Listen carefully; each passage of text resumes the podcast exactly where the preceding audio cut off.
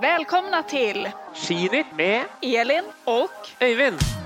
varje vecka snackar vi längdskidåkning, träning och hälsa. Vi følger de seneste nyhetene og får besøk av spennende gjester.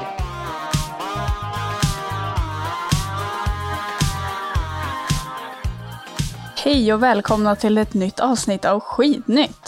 Idag ska vi ju såklart fokusera på vad som skedde under säsongsöppningen både i Norge och Sverige. Men eh, såklart så har vi ju lite annat att prata om innan.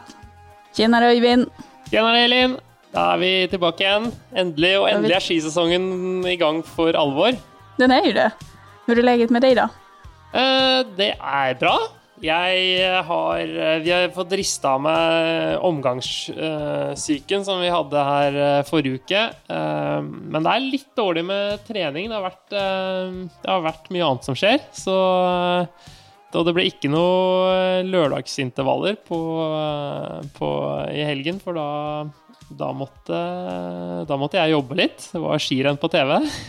Ja, men var du i Beitostølen også, eller var du hjemme? Nei, jeg var hjemme. Jeg var hjemme. Ja, du var hjemme. Mm. Ja, så jeg hadde muligheten, men det, var, det, det gikk ut da. Og så er jo Astrid har vært forkjøla, min sambo, så, så da har det vært eh, har det vært rolig og fredelig, da. Men eh, nå begynner vi å komme oss på beina igjen, så jeg regner med at eh, på lørdag så er vi, så er vi tilbake i Grefsenkollen.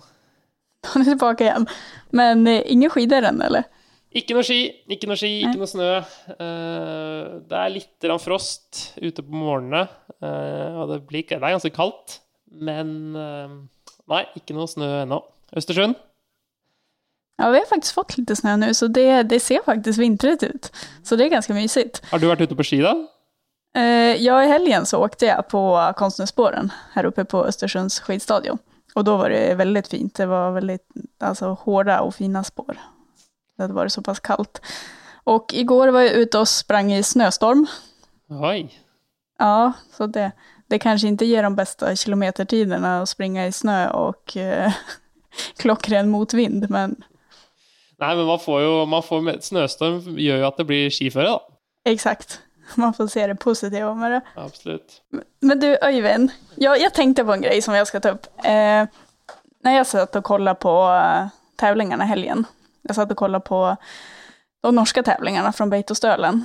Och då tänkte jag på en sak som jag ska ta upp med dig, som jag även har tänkt på förut. Och det är det här med tävlingsdräkter, som jag har reflekterat över, som skiljer lite grann i Norge och Sverige. Hos er så är det ju väldigt många som åker i landslagsdräkt Mm. så här på sådana nationella tävlingar.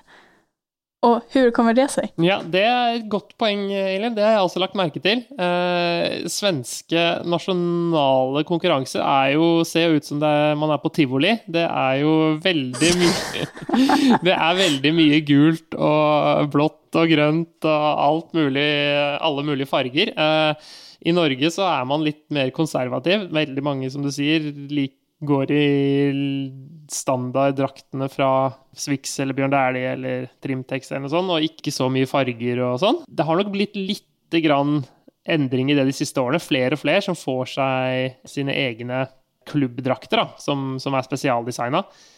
Men jeg vet ikke hva det skyldes, jeg. Det er eh, Ja, jeg vet ikke. Men altså er det så at alle klubber faktisk ikke har en egen tävlingsdräkt? Nei, jeg tror det er i en, større grad i Norge sånn at man ikke Altså, man Tevlingsdrekten er den standard blå drakten til Swix, da, eller til Bjørn Dæhlie, eller Ja, at man ikke Jeg husker i hvert fall fra når jeg var yngre, så, så var det mange år i Kjelsås hvor vi Hvor, hvor, hvor eh, klubbdrakten bare var den blå utgaven av Swix sin konkurransedrakt. Eh, og så etter hvert, nå de siste årene, så har vi jo fått egen designet drakt. Eh, men eh, det er nok i større grad sånn i Norge. Og så er det jo det at det er flere som er på, på disse lagene, som går med Altså, vi har jo landslaget hvor det er 20 løpere av begge kjønn, og så har vi rekruttlandslag hvor det er en 7-8 løpere, og så har vi jo regionslag, fem regionslag, hvor det er en, kanskje ti løpere på hver. Altså det er jo ti løpere, så det er 50 løpere der, da. Så du har jo da kanskje 80-90 løpere, da. Ja, 70-80 løpere som faktisk skal gå i den drakten fra landslaget, da. Som er på landslaget, kan du kalle det si. Det er nok også litt av årsaken, da. Ja, jag förstår. För hemma hos oss är det ju verkligen inte så. Då är det, du åker landslagsdräkten när du är uttagen till världscup eller skandinavisk cup eller junior-VM eller vad det nu är. Det er noen av de aller beste, aller, aller beste løperne som går i, i klubbdrakt eh, nå på Beitostølen og sånne ting. Men, men eh, mange går også bare i, eh, i landslagsdrakten, da. Så ja. Nei, det er, eh, det er eh, litt uh, forskjellig. Men er, og jeg er helt enig i at jeg har lagt merke til den forskjellen da, som er mellom uh, Norge og, og Sverige på, på, den fronten der. Men om man ser liksom til sponsorer og så, da, altså klubbene har ikke egne sponsorer på det settet da, som de liksom vil vise upp. Nei, jo, men de har jo sponsorene på, på altså Selv om du har drakten fra, fra Swix eller drakten fra mm. den standarddrakten, så er det jo fortsatt sponsorer som er der. Det er bare at mm. de ikke uh, så, så, det er ikke noe forskjell. Klubbene har, mm. har, sponsorer som i Sverige. Det er bare at man mm. ikke Ja, at det ikke Det er jo klubben som på en måte bestemmer hvordan drakten skal se ut. Så da har man limt på noen merker eller fått, fått det trykket på, da. Sen tänkte jag en annan sak som jag såg eh, från de norska tävlingarna. Eh, finns det en skidklubb som heter Fet skidklubb? Ja, det är korrekt. Fet. Ja, det er litt fett. Ja, ja, ja, det er litt fett. Ja, det, eh, det, er et sted her ikke så langt fra Oslo som, eh, som heter Fet. Eh, fet, ja. ja så... Jeg tenkte bare det var litt kul. Litt fett, liksom. Ja, ja, ja, Jeg har ikke tenkt så mye over det, akkurat det, men jeg, ja, det, det, det, er, det er fett på fet. Bra. Nei, men du, var det noe mer da, Elin? Nei, det var det inget mer jeg hadde lagt merke til. Men... Vi, får, vi, får, komme oss videre til, til, litt hva som har hendt uh, i uken, da. Ja, det skal vi.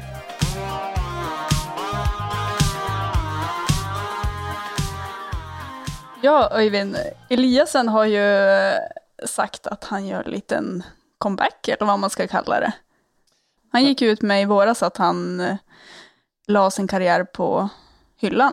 For andre Men gang? Nu, ja, för andra gången ja. För exakt. Men nu lockas han ändå tillbaka till tävlingsspåret. Nu har han sagt att han ska åka Marcialonga i alla fall, och kanske eventuelt fler tävlingar.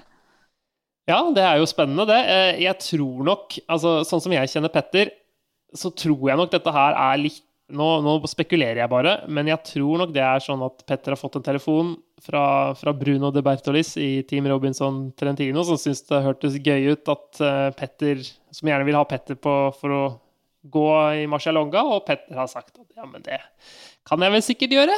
Uh, og så uh, han, Petter trener helt sikkert en god del, og han er jo veldig lettrent sånn sett. Men jeg blir veldig overraska hvis uh, Petter stiller til start på Marcialonga og er med i teten.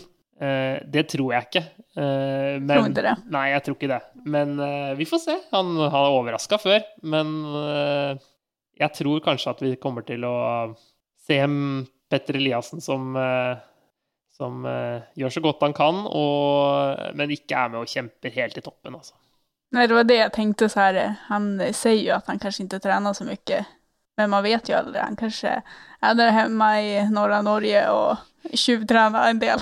Nei, jeg tror, ikke, jeg tror han trener så lite som han sier. Det som er eventuelt spørsmålet, er jo at han er jo så vanvittig lettrent og så god fra før. Så at han kanskje kan bli, gjøre det ganske bra selv med lite trening, det, det kan jo kanskje tenkes.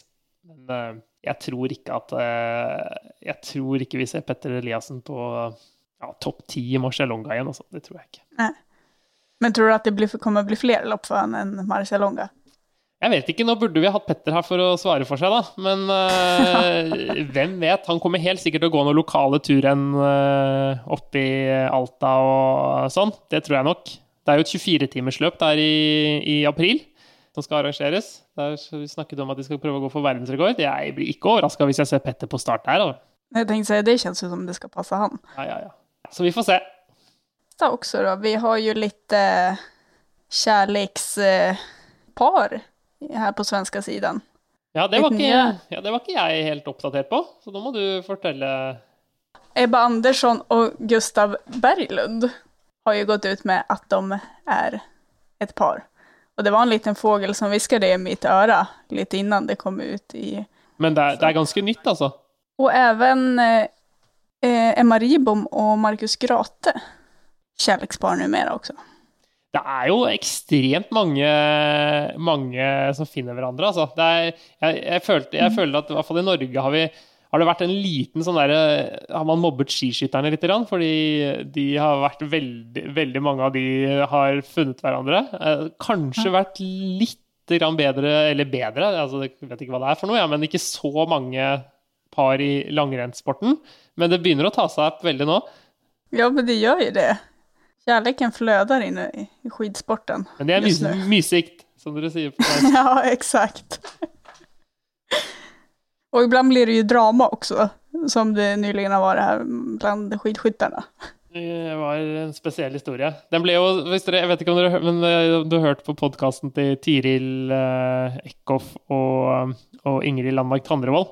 De hadde jo jeg har ikke gjort det, men det- jag har lest noen artikkel om hva snakket, de uttaler seg. der snakket de ganske lenge om, om akkurat det.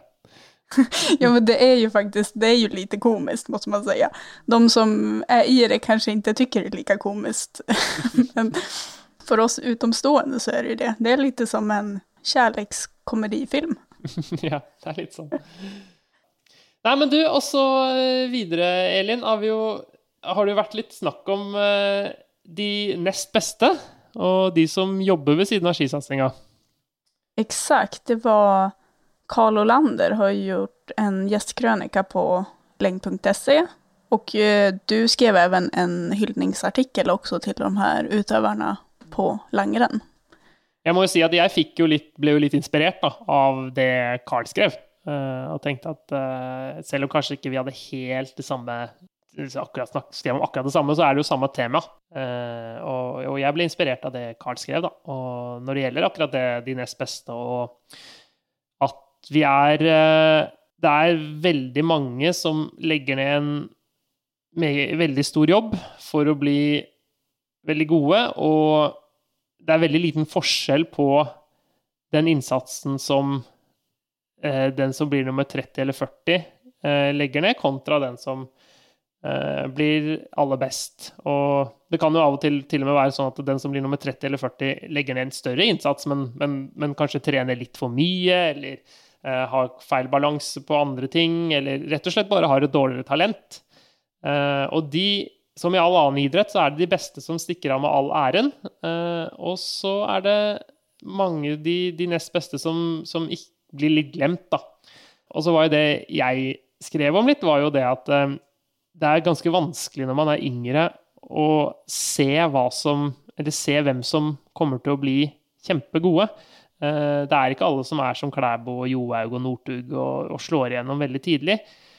Og da er man jo avhengig av å ha mange som satser eh, litt lenger Altså, jo flere det er som satser litt lengre, jo, jo større sannsynlighet er det for at eh, Norge som nasjon, da, eller Sverige, finner det store talentet som, som kanskje blomstrer når man er litt eldre, da. Sånn at det å ha mange løpere som kjemper på til de blir 25 og eldre, det er egentlig grunnmuren i å, å finne fram eh, talentene. Og har vi 50 eller 100 stykker som, som, eh, som gjør alt de kan for å bli så gode de kan, så er sannsynligheten veldig stor for at noen av dem lykkes. Nej, men jag tycker det här är jätteviktigt att ta upp och lyfta fram de här skidåkarna som faktiskt jobbar på sidan av. För eh, alltså, det är ju få förunnat att kunna utföra skidåkningen på heltid. Så är det ju.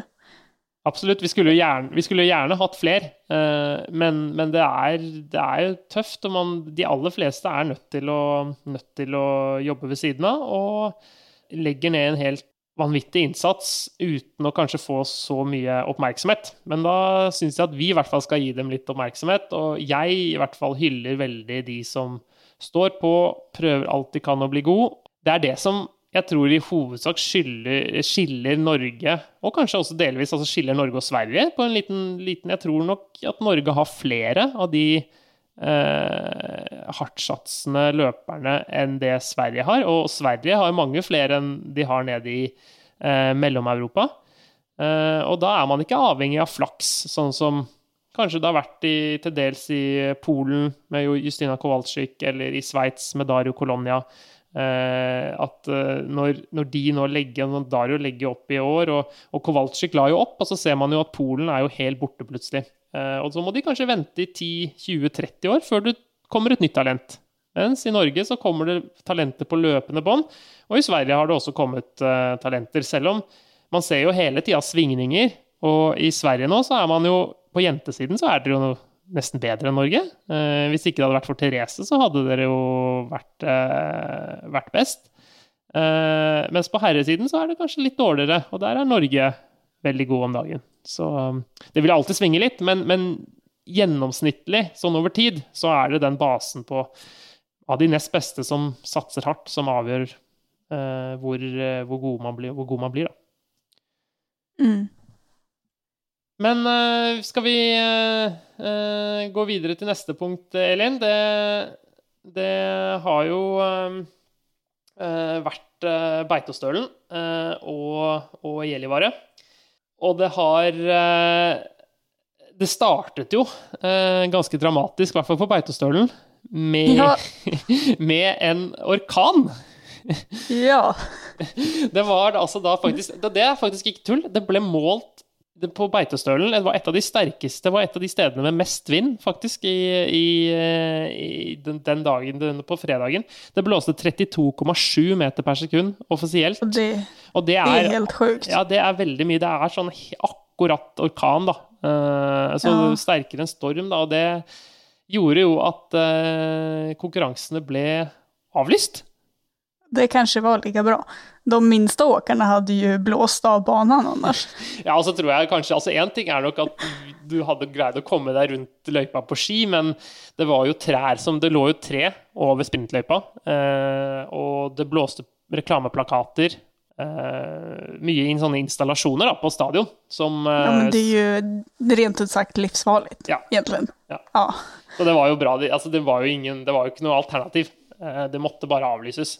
Det var jo eh, ganske spesielt. Og det endte jo med faktisk da at for å få stadion og alt klart til lørdagen, så måtte, jo, måtte man jo ha dugnad. Hvor man gikk ut i løypa og fjerna kvister og eh, stein. Og det var vel en 45 personer som gikk på fredag kvelden og plukka stein fra løypa med teskje. Hvilke eh, hjelter! så for å, få, for å, få, alt klart, da, og eh, jobba til seint på natt. Så må, det var jo kjempefint. Og det var til og med noen skiløpere som skulle gå skirenn, som, som var med og hjalp da, til å, til å rydde løypene. Så, mm. Men det ble vel veldig bra til dagen etter? Det ble veldig bra. Det er jo ja. selvfølgelig Altså i forhold til hvordan det så ut før så ble det kjempebra. Det er jo selvfølgelig utfordringer når det har blåst så mye. Og det var jo en del som slet litt. Eh, Heidi Weng bl.a. måtte stoppe å fjerne stein under skiet, for hun fikk en stein i klisteret på lørdagen. Og jeg, Hans Christer Holund klaget over at han hadde fått en eh, stein, på, altså stein i skia på skøytinga på søndagen, som gjorde at skia ble litt dårlig. Så det var nok det var nok, Man fikk ikke tatt bort alt. Uh, men, men, man fikk gjort veldig mye, da. Og at det, at det, det i det hele tatt ble skirenn, det var jo det viktigste. Ja, men eksakt. Så ja, Det var i hvert fall dramatisk på Beitostølen, men hvordan var det i Gjellivar? Ja, der var det ikke den der stormen, så vi fikk jo tävla i alle fall. Men det var ändå ganske mye dramatikk på sprinten ändå. Det, det, är ju en bana med mycket kurvor och det blev isigt och, så det blev ju mycket fall. Jeg, jeg, satt, jeg eh, satt, og så på, ja. fordi jeg, det, det, ble jo avlyst på Beitostølen. Og da ble det jo plutselig Da kunne først skrudde jeg over på SVT og fikk med meg eh, sprinten deres istedenfor. Og jeg så jo det. Det var jo nesten i hvert heat så var det jo noen som eh, gikk ut. For det så ut som det var veldig sånne vanskelige forhold. Altså, det ser ut som at det, her går det fint å gå, men så er det is under. Og så bare plutselig så forsvinner skia. Och så Exakt. ligger den. Ja.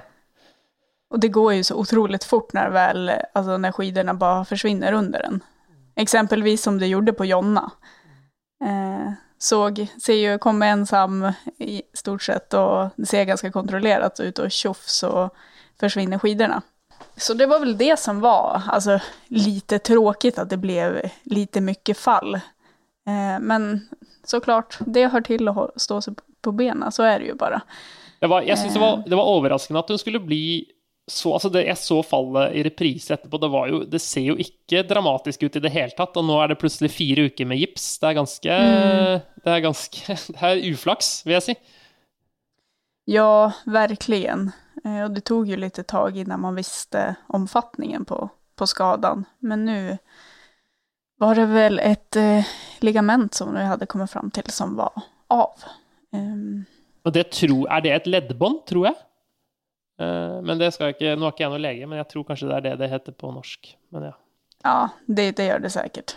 Uh, Så det var jo veldig tråkigt for Jonna, men jeg håper at det kan leke fint og at hun kan uh, ikke få så mye men av det, at hun kan komma igång tidlig. det, det som jeg syns var Eller altså kanskje det mest sånn spennende fra hele den sprinten, var jo den situasjonen hvor, hvor Maja Dahlqvist blir disket når hun går over skiene på Moa Lundgren. Jeg vet ikke, De snakket jo mye om på, på TV i, hørte jeg i Sverige om dette nye regelverket, eh, Mm. også før det skjedde. Og om det hadde en innvirkning da, på, på avgjørelsen. Men, det, men jeg syns det var veldig strengt dømt, og jeg har sett mange sånne situasjoner tidligere hvor ikke det har skjedd noe som helst. Så jeg syns jo på en måte altså, det var- Anser du at det var fel? Nei, jeg sier ikke at det var Nei. feil, men jeg sier at det er en Man har jo på en måte lagt seg på en linje der hvor jeg føler at sånne ting er greit. Men så denne gangen så var det ikke greit. Det, men det syns jeg egentlig Jeg, jeg, jeg støtter det litt, jeg. Jeg syns det er bra at man på en måte skal At man skal begynne å bli litt strengere på akkurat det greiene der. For man kan ikke bare slenge seg inn foran foran øh, folk på den måten. Og det, så jeg, jeg, støtter, jeg støtter egentlig litt, men det var overraskende. Nej, jag tycker väl kanske att, eh, alltså det är klart eh, att sprint är tajt, det är tajt om positionerna och det gäller ta, hitta de där luckorna. Men jag kan nog faktiskt hålla med om att det var ganska, det var ju inte riktigt en lucka. Hon kliver ju rakt över Moas skidor. Hon får ju inte plats.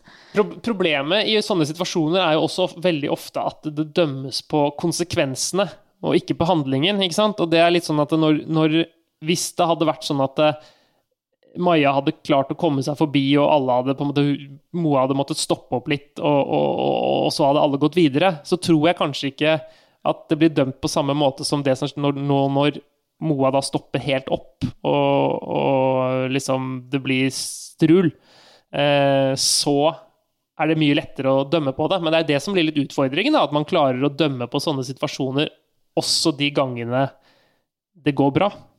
Ja, jag håller med. Så, Det är som ja. du säger.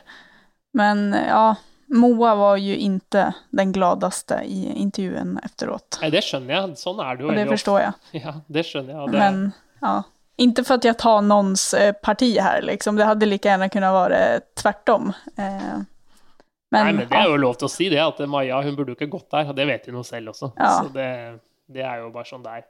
Det var i hvert fall, eh, det var i hvert fall en del dramatikk, da. Og så Men så ble det jo en eh, fin pall til slutt, og Anna Dyvik som eh, mm, viste seg fram. Hun viser jo bra form. Hun kjører jo eget opplegg nå. Hun står jo utenfor landslaget. Hvilket uppenbarligen hittil da virker ha fungert veldig bra. Kul. Skal vi gå videre til, eh, til lørdagen, eh, Elin? Da ble det jo skirenn i eh, Norge. Jeg, jeg så jo på den programmet deres. Jeg, jeg- vet ikke hvem som har kopiert hvem, men det var i hvert fall helt likt mellom Norge og Sverige. Alle dager, alle distanser, alle stilarter var mm. helt likt, så det var jo litt mm. morsomt, da. Men du kan jo begynne, begynne på, i Sverige på 10 km, Elin. Ja, hos oss eh, var det ju kanske inte jätteoväntat att det var Frida, Ebba og Charlotte. Vi, vi, altså det, det kan jo faktisk sies at det, vi kan jo egentlig nesten koke ned både altså jentenes fire altså Både skøytingen og klassisken. Frida Ja. vant to ganger i Sverige, og Therese vant to ganger i Norge. De var ganske suverene, begge to. Og så er jo egentlig litt av spørsmålet her hvor gode var de faktisk? Eller hvor gode var, hvor gode var Ebba i Sverige kontra Heidi Weng i Norge? ja, det blir, det, blir, det blir, spennende å se. Men, men, det var jo det det, det er det det koker ned til her. Og sen eh, noen som gjorde bra ifrån sig eh, som står, det er jo Moa Olsson. Eh, gjorde bra från sig både på lördagen men framförallt på söndagen under skateloppet. Eh, en annan som jag reflekterar över det är ju Linn Sömskar. Eh, som vi också har haft eh, i podden här i tidigare avsnitt. Så det kan du gå in och lyssna på med henne. Men hon, hon satsar ju faktiskt på långlopp. Men nu visar hon hela tävlingshelgen här. Det är skatesprint och det är skatedistans och det är klassisk distans.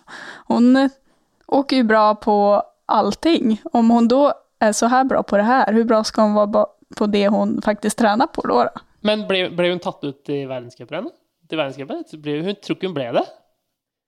Nej, er ikke, ska det, inte åka. Var det litt rart, eller? Alltså, det är ju svårt att säga eftersom man inte riktigt vet eh, hela historien. Alltså jag vet inte om hon har blivit erbjuden en plats och tacka nej för att hon ska satsa på långlopp eller ja, att de vet det, att hon ska satsa på långlopp och därför inte ta ut henne. Eh, det vet jag ju faktiskt inte.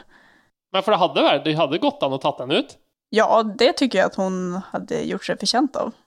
Så. Men som sagt, man vet ju inte hela historien bakom den uttagningen. Och på guttesida så hade dere ju en unggutt som imponerte? imponerade.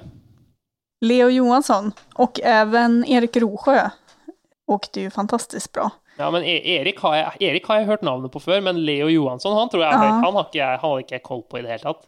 Var det i fjol under alliansloppet tror jeg, som han vann det der 15 km-loppet, eller vad det de bruker kjøre.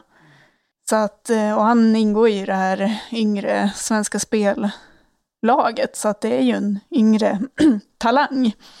Men eh, att det skulle gå så här bra, det vet jag inte om han hade väntat sig själv. Men det är ju fantastiskt roligt. Alltså, på, det har ju snackats mycket om svensk herrskidåkning. Och därför är det ju så otroligt kul att det är många yngre nu som visade fram fötterna nu i helgen. Men, men viste de fram føttene bare fordi at nivået er så dårlig? Eller var det fordi at de faktisk gikk fort?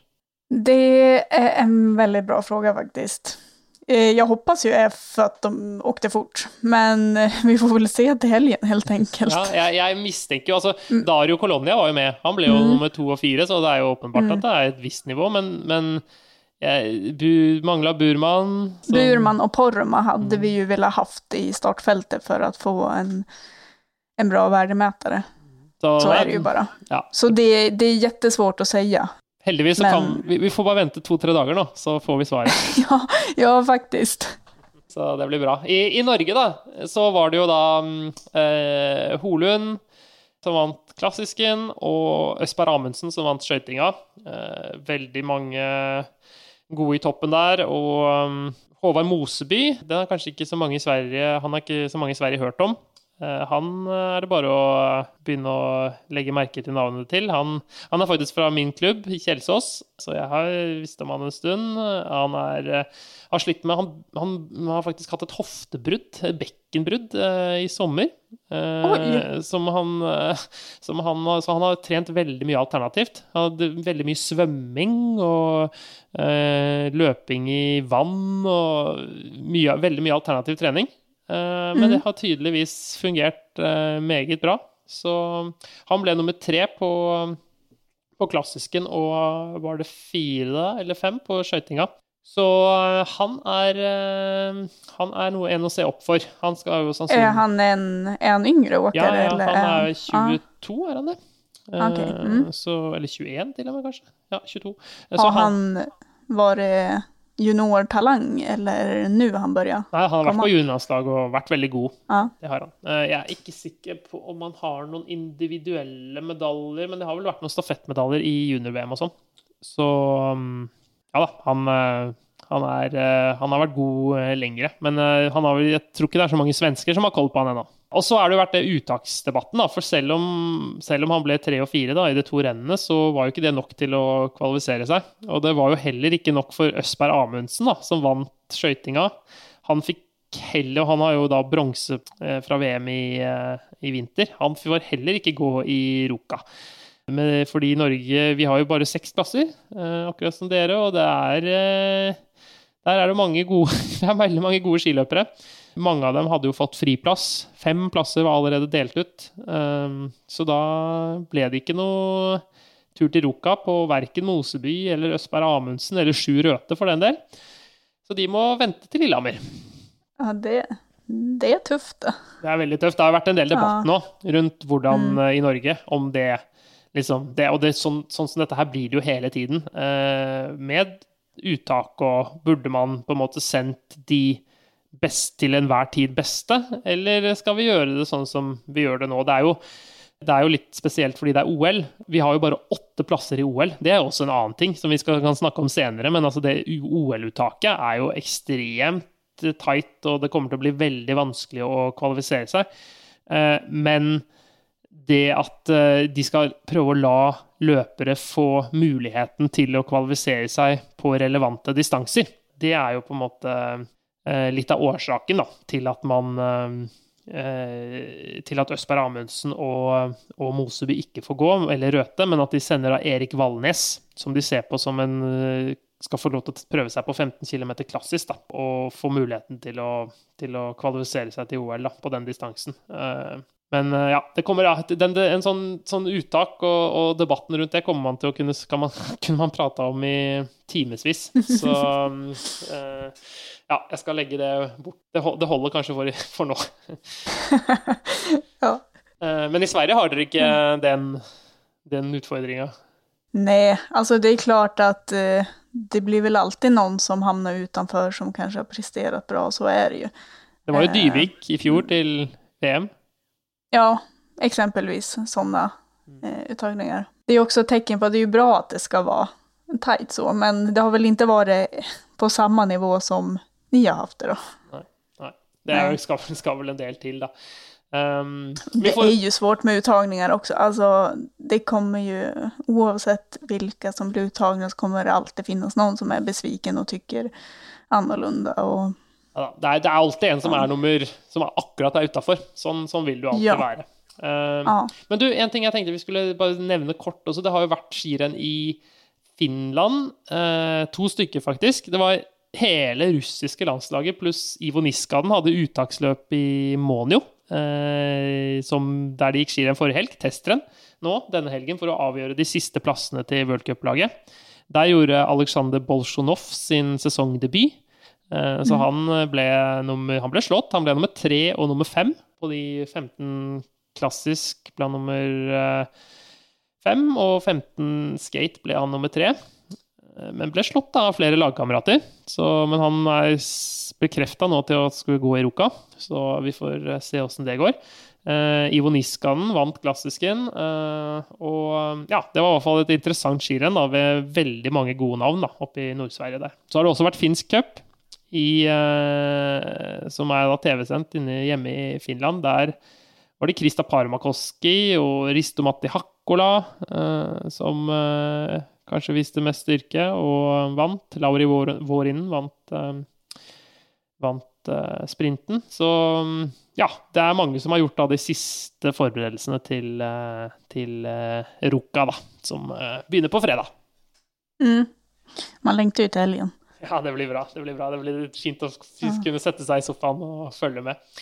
Men du, vi har jo en gjest, Elin, i dag. Og det gjør det med det her med de her teknikksonene. ja, det er riktig.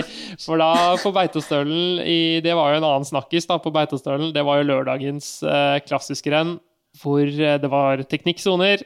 Eh, det var vel litt eh, Max Novak var jo ute i, i uh, Sverige også og mente at det var dårlig at teknikksonene ikke var markert bedre dagen før. Sånn som, de var i, sånn som det var i Gjellivare. Men da, i Norge så var de markert, og det var greit. Men da hadde vi Stian Berg, som er langløper, Team Kaffebryggeriet, som bestemte seg for bare gi F i disse stakefrie sonene eh, og gå gjennom. Og det ble jo en del debatt rundt det. Vi har jo da vært så heldige å få med oss Stian i, uh, i denne episoden. Det er vel egentlig bare å uh, sette over til det intervjuet og så uh, bli litt bedre kjent med Stian Berg.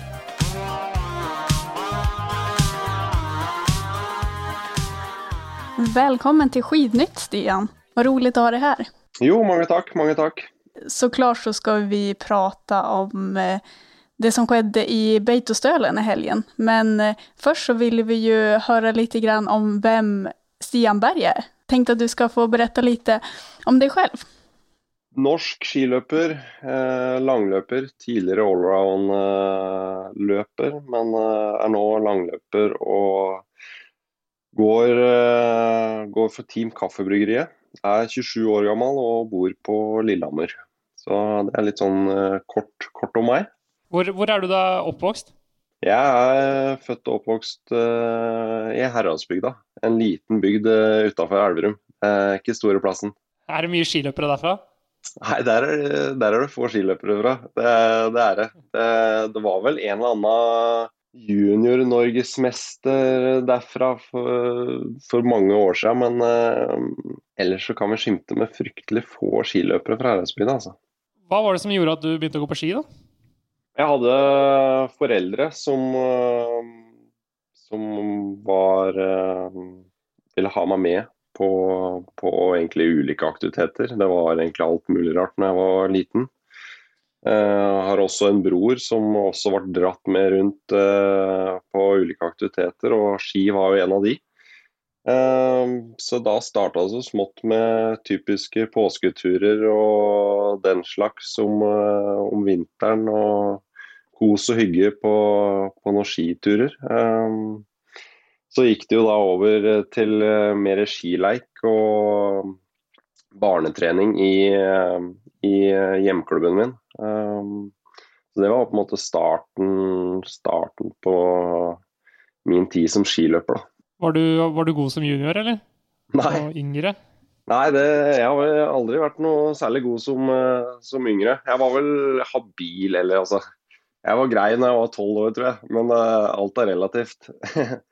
uh, så jeg, men uh, jeg husker jo i ungdommens Holmenkollrenn så var jeg vel 113.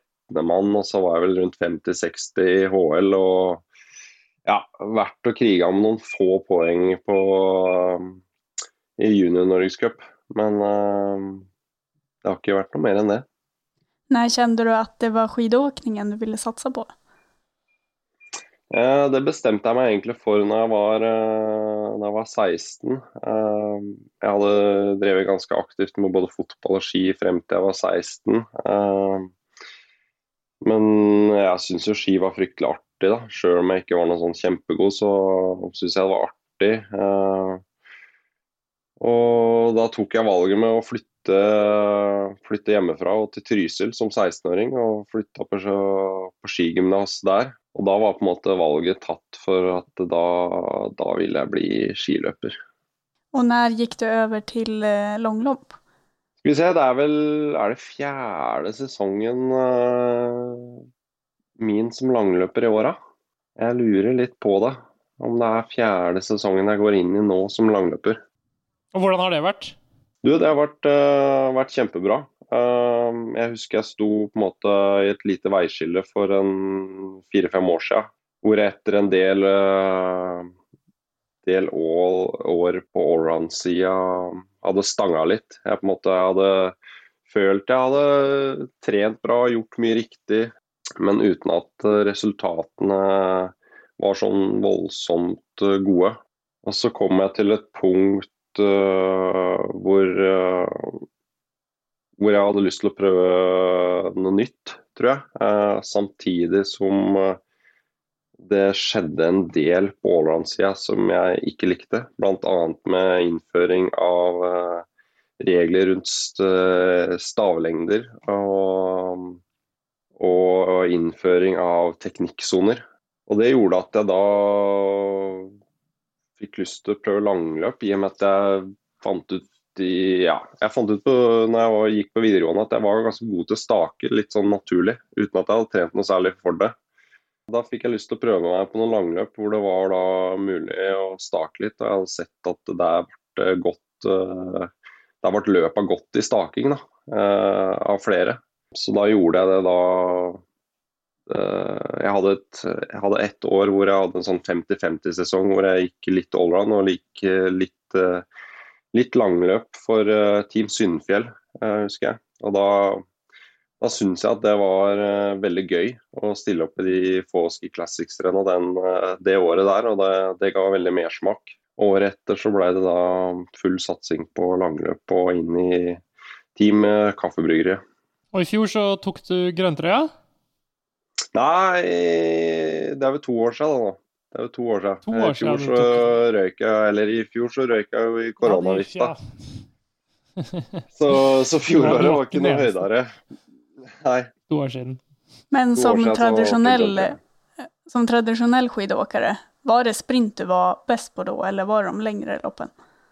Jeg har vært god på sprint på rulleski, men jeg har vel faktisk ikke kara meg til eh, en kvartfinale en eneste gang eh, som seniorutøver i sprint på, eh, på snø. Så jeg har vært, jeg har vært rett utafor veldig mange ganger. Så jeg var jo ikke Jeg kan ikke påstå at jeg var noen sprinter heller da, når jeg ikke har gått videre til noe kvartfinale.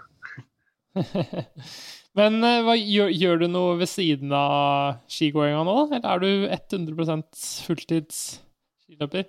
Nei, du, jeg, er, eh, jeg jobber. Jeg jobber faktisk 100 eh, ved siden av skisatsinga. Jeg har funnet meg en ålreit turnusjobb som miljøterapeut. Så jeg har noen eh, jobbdøgn i måneden hvor jeg, hvor jeg må trå til litt utenom det å bare skulle gå på ski. Men eh, det er en fin jobb hvor jeg får eh, kobla av litt og ikke får slitt meg ut så veldig fysisk. Og så får jeg tjent noen kroner til å fortsette skisatsinga. Du er, mange, du er ikke alene med å gjøre sånn i Ski-Norge. Det er bra at vi har at det er muligheter da, for å, å, kunne ha jobber som du faktisk kan kombinere med skisatsinga. Absolutt, absolutt. Det er jo, det er jo ikke så altfor mange av oss som eh, bare kan leve av det å bare være skiløper. Det, det er de færreste. Dessverre. Dessverre, enn så lenge. Men eh, du Stian, nå må vi over på det som skjedde på lørdagen. Eh, som har blitt litt styr, i, styr med. Du, det som skjedde, var jo det at det var 15 km klassisk på Beitostølen, sesongåpninga. Eh, og der var det stakefrie soner, eh, diagonalsoner, eh, og du valgte å droppe de, og staket hele rennet. Mm. Hadde du bestemt deg for dette her lenge før? Det er jo en tanke jeg egentlig har hatt på Beito i flere år. men så har, har, noen rundt meg på en måte stoppa meg litt. Uh, og sagt at jeg ikke bør gjøre det, og det er bare dumt. og nei, Det lager bare masse styr og unødvendig. Men uh, jeg har sett meg litt lei på de greiene der. Har vært en stor motstander av de der sonene der i så mange år nå. Og da tror jeg det bare kom til et punkt nå i år at uh, nå, nå, har jeg ikke lyst til å føye meg til det, det regelverket der lenger. Jeg er luta lei, rett og slett. Så da, at jeg skulle gå på blanke, det, det, det visste jeg. Men valget om at jeg skulle gi rett og slett gi blanke faen i sone, det skjedde egentlig rett før start. Ja, ja, OK. Men og, og det, og det altså, Årsaken til at du gjør det, er for å på en måte var for å sette litt fokus på det med stakefrie soner, eller var det rett og slett for å bare du skulle ha deg en hardøkt og liksom Ja, men, men det var en protest, eller? Altså, det, er, det, er jo, det er flere årsaker. Jeg vil jo på en måte trene på det jeg ønsker å prestere i. Så Det er jo én ting. Eh, en annen ting så er jo det jeg nettopp sa, at jeg har vært motstander av, av de regelendringene som kom for fire-fem år siden. Så det var jo på en måte en slags markering eh, der. Så da, da blei det, ble det sånn. Staka meg gjennom og gikk for en klink disk. Men, men hva, hva, hva, tror du er eh, Eller hva, hva, er det som er problemet? hvorfor er det feil å ha stakefrie soner? Jeg mener at det, det hindrer litt utviklinga og et spenningsmoment i, i, klassisk langrenn. Jeg mener jo det at uh, hadde man droppa de sonene, så kunne man uh, tillatt uh, staking i høyere grad. Man kunne fått uh, litt ulike langrennsløpere, ulike typer.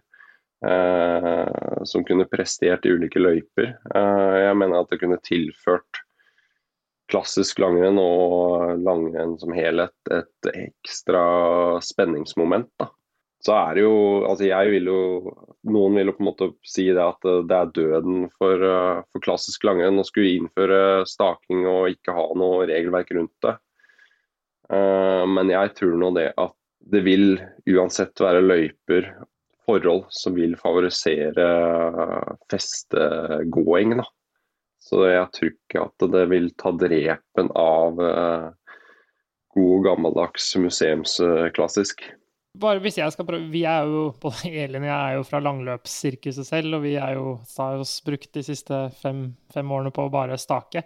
Mm. Så vi også er jo Jeg ser jo også poenget med, med, det. Men hvis jeg skal prøve å ta den andre siden av eh, diskusjonen, da mm. Hvordan Altså at klassisk fra før av er jo en stilart som er regulert. Altså det er på en måte ikke den raskeste måten å ta seg fram på.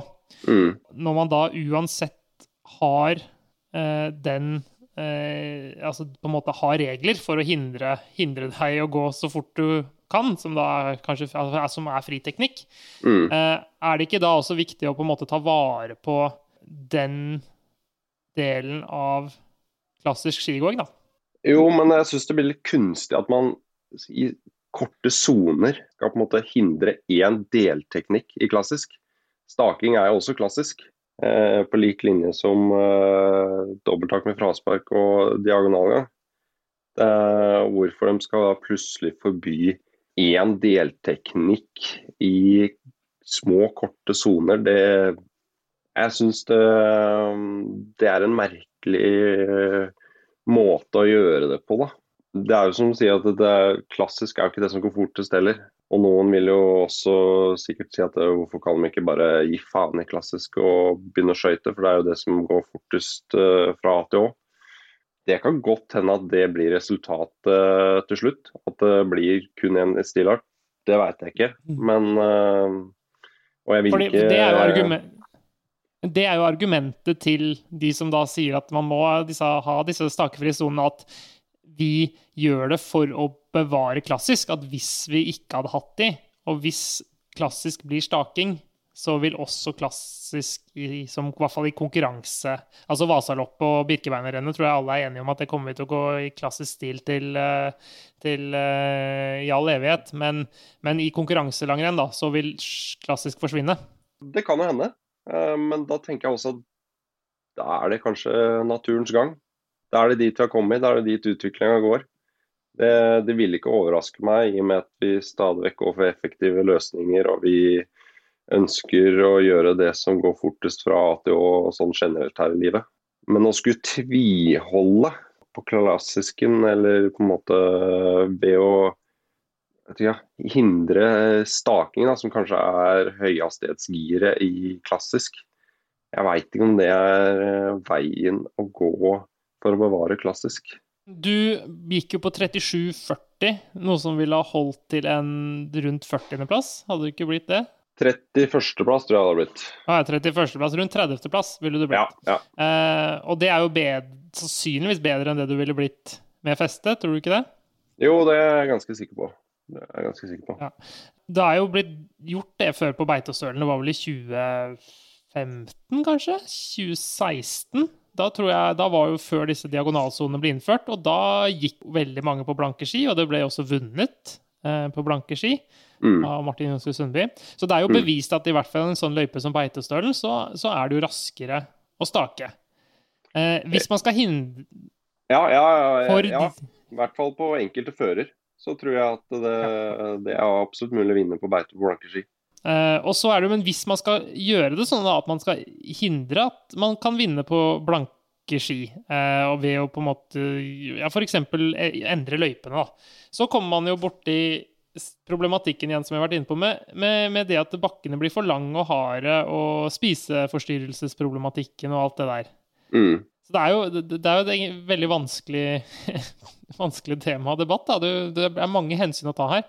Det er det. Det er det, er helt klart. Uh, men det som er bra, da, tenker jeg jo at uh, folk engasjerer seg. Og at folk har litt ulike meninger rundt det her òg. Det tyder jo på at folk bryr seg, og det blir mer blest om den idretten vi faktisk er glad i og bryr oss om. Så det Hadde du trodd at det skulle bli så mye baluba? Jeg hadde, jeg hadde regna med litt etterspill av det, men det har blitt, blitt, en god del mer enn hva jeg så for meg. Det, det har det.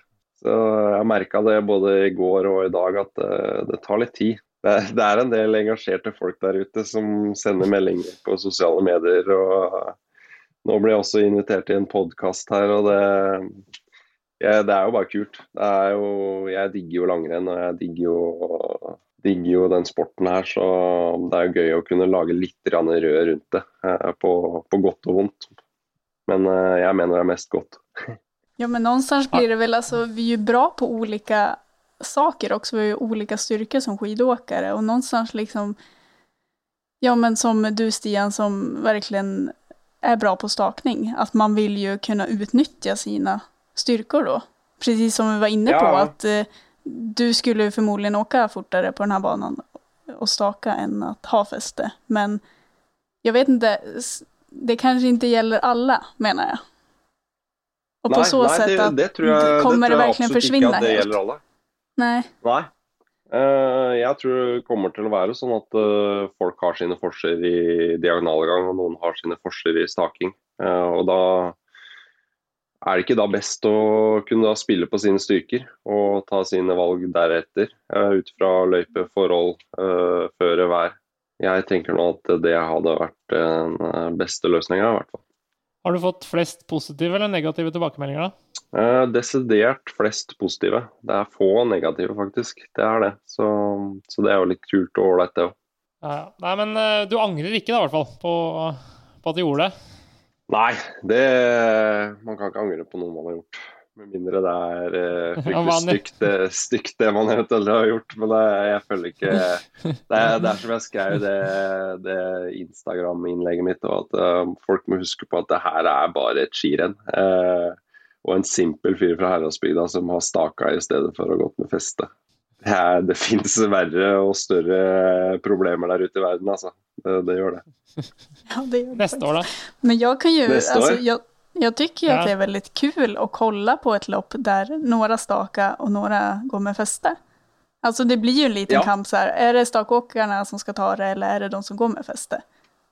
Ja, det er det jeg også tenker. At det er det som kanskje kan tilføre klassisk litt mer spenning. da. Vi så jo for noen år siden i verdenscupen nå at eh, enkelt at toppløperne der også valgte blanke ski, f.eks. Davos uh, og andre løyper. Og jeg husker jeg gleda meg enormt mye til de løpa for å se hvordan uh, utslag det vil gi da, på resultatlista. Så et ekstra spenningsmoment uh, tror jeg det absolutt hadde tilført. Men, men neste år, du, blir det, har du bestemt deg, blir, stak, blir du den som nå staker gjennom alle stakefrie soner uh, her- herfra til evigheten?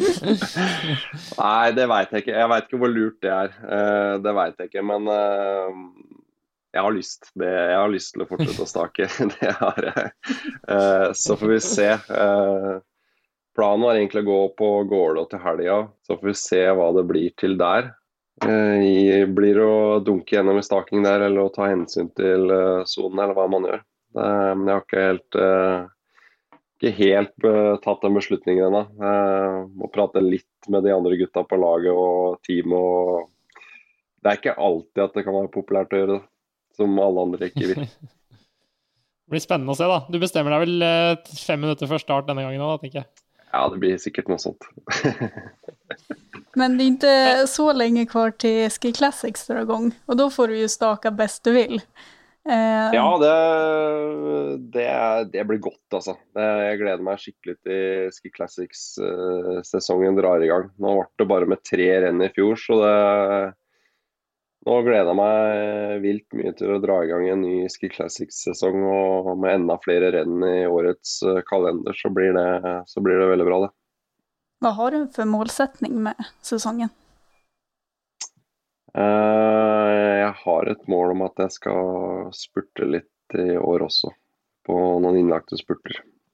Så da blir det litt spurting, og så håper jeg også i tillegg at jeg har utvikla kapasiteten litt, og at jeg kan stå løpet enda litt bedre, slik at jeg også kan hevne meg til slutt. da. Det er mange som har gått den veien der, gjennom å først gå opp et grønt, og så endte opp med å bli veldig gode eh, også til slutt, da. Ja, det er jo det. det, er jo det. Så det, det har vært en vinneroppskrift før, så får vi se om det er mulig å gjenta bedriften. Du får ha masse lykke til, eh, Stian. Ja, stort lykke til. Det skal bli kul å følge. Mange takk, Sær.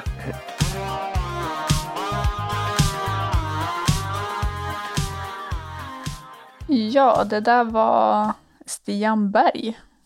Roligt å høre hans tanker kring varför han gjorde som han gjorde. Absolutt, og kanskje det er ikke så mange som kjente så mye til Stian fra før heller, så vi ble litt bedre kjent med han sånn ellers også. Og det er jo også en løper som då kombinerer jobb, eh, og til og med 100% jobb, med, med skisatsingen, Då. Så han er jo også en, eh, en av de eh, sliterne som, som sørger for at Norge er god på ski. Så Jeg tykker det er imponerende. Veldig, veldig bra. Du, neste uke, Elin, så er vi da i gang med verdenscupsesongen. Da skal man gå skirenn i Ruka. Og det er jo da litt annet format enn det vi er vant til fra tidligere. Eh, vanligvis er det en sånn minitour hvor det har vært tre konkurranser inni den minitoren. Først en sprint, og så eh, to distanserenn. I denne gangen så er det da en, først en enkeltstående sprint, som er for seg selv. Og så gås det da en sånn gammeldags jaktstart, som man gjorde på 90-tallet. Eh, hvor man da går først eh, klassisk, 15 km klassisk den eh, første dagen. Og så går man 15 km skøyting, eh, jaktstart, den andre dagen. Så det er det sikkert mange som syns er litt kul å komme tilbake til 90-tallet med en sånn gammeldags eh, jaktstart. Ja, men det är ju kul. En gammal, hetlig, tradisjonell Mm. jaktstart. Jeg tycker det er kul, ja. Ja, det er fint det, å få den tilbake Ja. på programmet. Det, jeg hørte faktisk med, Hvis det er de som lurer på årsaken til at det har blitt sånn, er fordi at eh, for å få Det var mange nasjoner som klaget litt over at det var vanskelig å sende spesialister. Altså Når man har en sånn minitour, så må man jo ofte se på Man har ikke plass til så mange rene sprintere og så mange rene distanseløpere. Sånn at man eh, måtte prøve å finne en slags uh, uh, Altså finne de som var best totalt sett, da. Og, men, men det var det mange som var imot, så nå har de da gjort om sånn at denne ene sprinten Nå vil det jo da være seks plasser til sprinten og seks plasser til distanserennet, mens det før da var åtte plasser på hele toren. Så det betyr noe at det da, da er åpent for flere spesialsprintere, da. og, eller spesialdistanseløpere, da. Så det er jo årsaken til at det har blitt som det, som det har blitt, da. Ja, og så i Norge, da, så er det jo da i tillegg Norgescup på Gålå. Der skal det jo alle de som ikke fikk gå i Ruka, det er jo veldig, veldig mange, gå. Så det kommer jo til å bli veldig spennende konkurranser på, på Gålå. Så er det jo skiskytteråpning i- hjemme hos dere i Østersund. Det blir jo kult. Mm. Er det noe mer, Elin? Ja, det er en långloppstävling i Orsa Grønklitt Ja. på söndagen. Den har vi vært med på en eh, del ganger, har vi ikke det? Jo, det har vi jo. Så det blir en liten eh, smygstart på Ski Classics-premieren, som også skal gå der. Vet du, er det mange gode som Jeg vet at lager 157 er med. Mm. Men sen har jeg, jeg har ikke sett noen anmeldingsliste. Men det bruker alltid dukke opp noen langloppsåkere fra andre team. Det har jo vært svenska Max team. Ja, Max Novak Lina og brukar ju ofta vara där, precis. Ramudden brukar ju ofta vara där. Oskar har vært der. Gardin. Ja, exakt. Oskar, ja. Det blir spennende å se. Vi, um... Det kan nog bli kul att se. vi får bare Och sen skulle... Ja. Förlåt. Nei, fortsett du. Ja, eh, nej, men jag skulle också vilja ta upp att vi har fått eh, ett meddelande av en Rickard som är eh, engagerad i en ideell arbetsgrupp inom Svenska skidförbundet. Och det här är en grupp som heter Skidor hela livet. Eh, och det är då att man kan söka bidrag till sin föreningar. Och det här eh, är föreningar som riktar sig till personer över 25 år, eh, breddar eller utvecklar en verksamhet eller ett arrangemang, eh, ökar rörelseglädje, syfte till att bibehålla motionärer inom längdskidåkning och vill öka föreningens långsiktiga förmåga att attrahera nya medlemmar. Det høres ut som bra, bra tiltak, Elin. Så vi, ja, precis. Vi, vi, legger, vi legger, lenken til, til, til organisasjonen i beskrivelsen. Og så er det bare å klikke seg inn der hvis man tror det kan være interessant. Ja, og jeg skal tillegge at det her bidrag, ansøkan for det bidraget det skal levnes inn innen 5 desember. Bra. Men eh, det var vel det for eh, denne uken, Elin. Så mm, får vi bare eh, sette oss ned på fredag med noe godt å drikke eller med noe godt å spise, kanskje, og følge med på skikonkurransen og den første virkelig store vintersportshelgen, da. Mm. Så det blir kult. Så mm. ses vi igjen, alle sammen. Hei da. Hei da.